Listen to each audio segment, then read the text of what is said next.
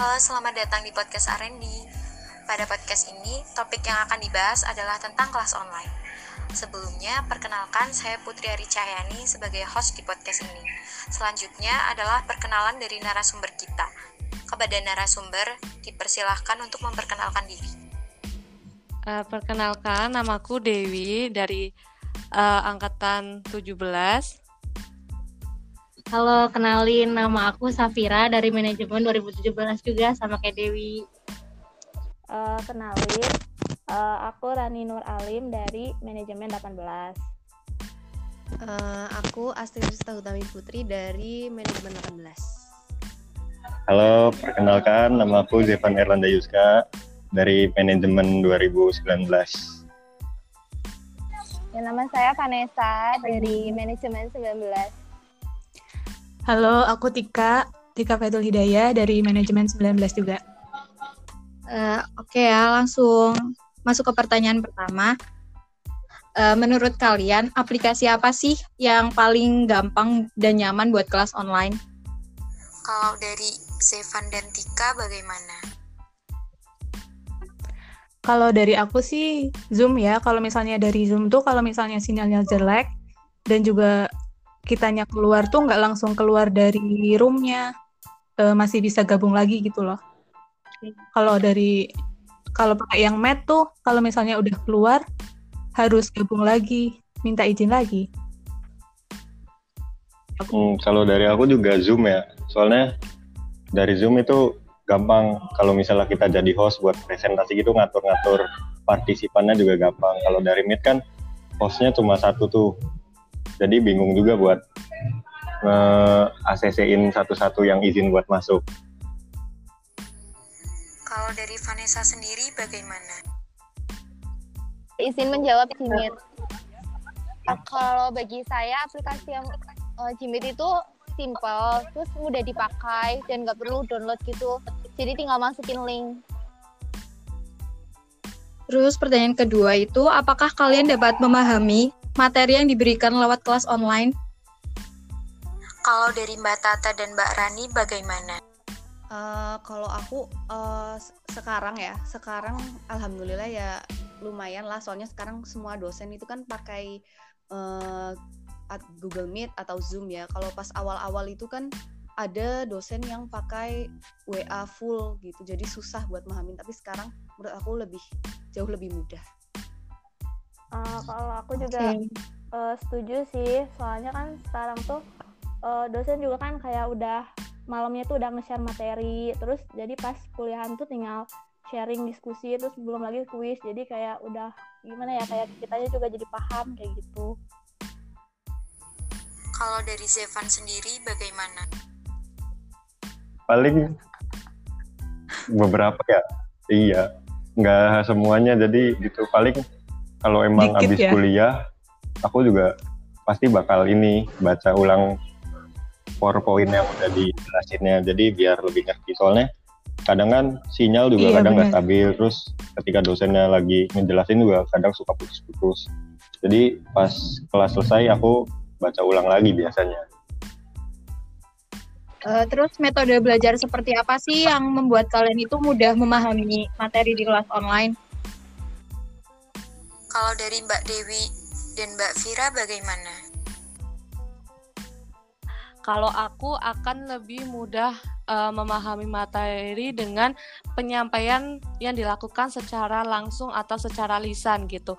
Jadi mungkin uh, dosen bisa uh, menyampaikan materinya lewat aplikasi Zoom atau alternatif lain bisa juga mereka membuat video pembelajaran dan nantinya akan di-share di Google Classroom. Gitu sih menurut aku.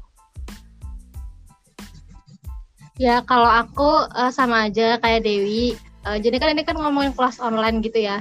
Aku ada beberapa kelas yang emang kayak aku sih modelnya bukan yang kayak sering video call gitu kan sama kelas. Jadi kita tuh cuma pakai Google Classroom di share materinya aja. Jadi ada salah satu kelas yang uh, dosennya itu bikin video, itu tuh kayak bikin mind mapping dan jelas jelasin semuanya gitu. Jadi kan kita lebih mudah. Nah habis kita ngeliat video itu kita harus ngerjain soal, tapi uh, jawabannya tuh harus dari video itu. Jadi tuh kita bener-bener ngeliat uh, materinya itu kayak gitu sih. dan benar-benar belajar. Kalau dari Mbak Rani sendiri bagaimana? Kalau aku sih kayaknya pakai itu ya, kalau misalnya langsung kayak gitu kayak diterangin kayak ada diskusi uh, ada diskusi kelasnya kayak gitu. Kayak pas lagi itu jadi nggak hanya dosen yang ngasih materi tapi kita juga ikut diskusi kayak gitu. Jadi kita kan jadi paham kayak gitu apa yang nggak paham tuh bisa ditanyain. Terus kendala utama saat mengikuti kelas online tuh apa sih kalau dari Zevan dan Tika bagaimana? Yang paling pasti sih sinyal ya. Kalau sinyalnya sinyalnya lagi jelek tuh ya mau gabung tuh kadang susah. Hmm. itu sih. Zevan gimana Zevan? Setuju sih sama Tika.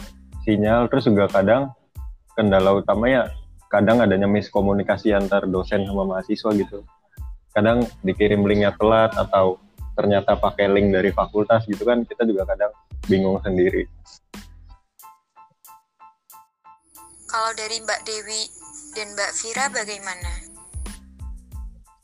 Uh, tentunya itu yang paling jadi kendala jaringan sih.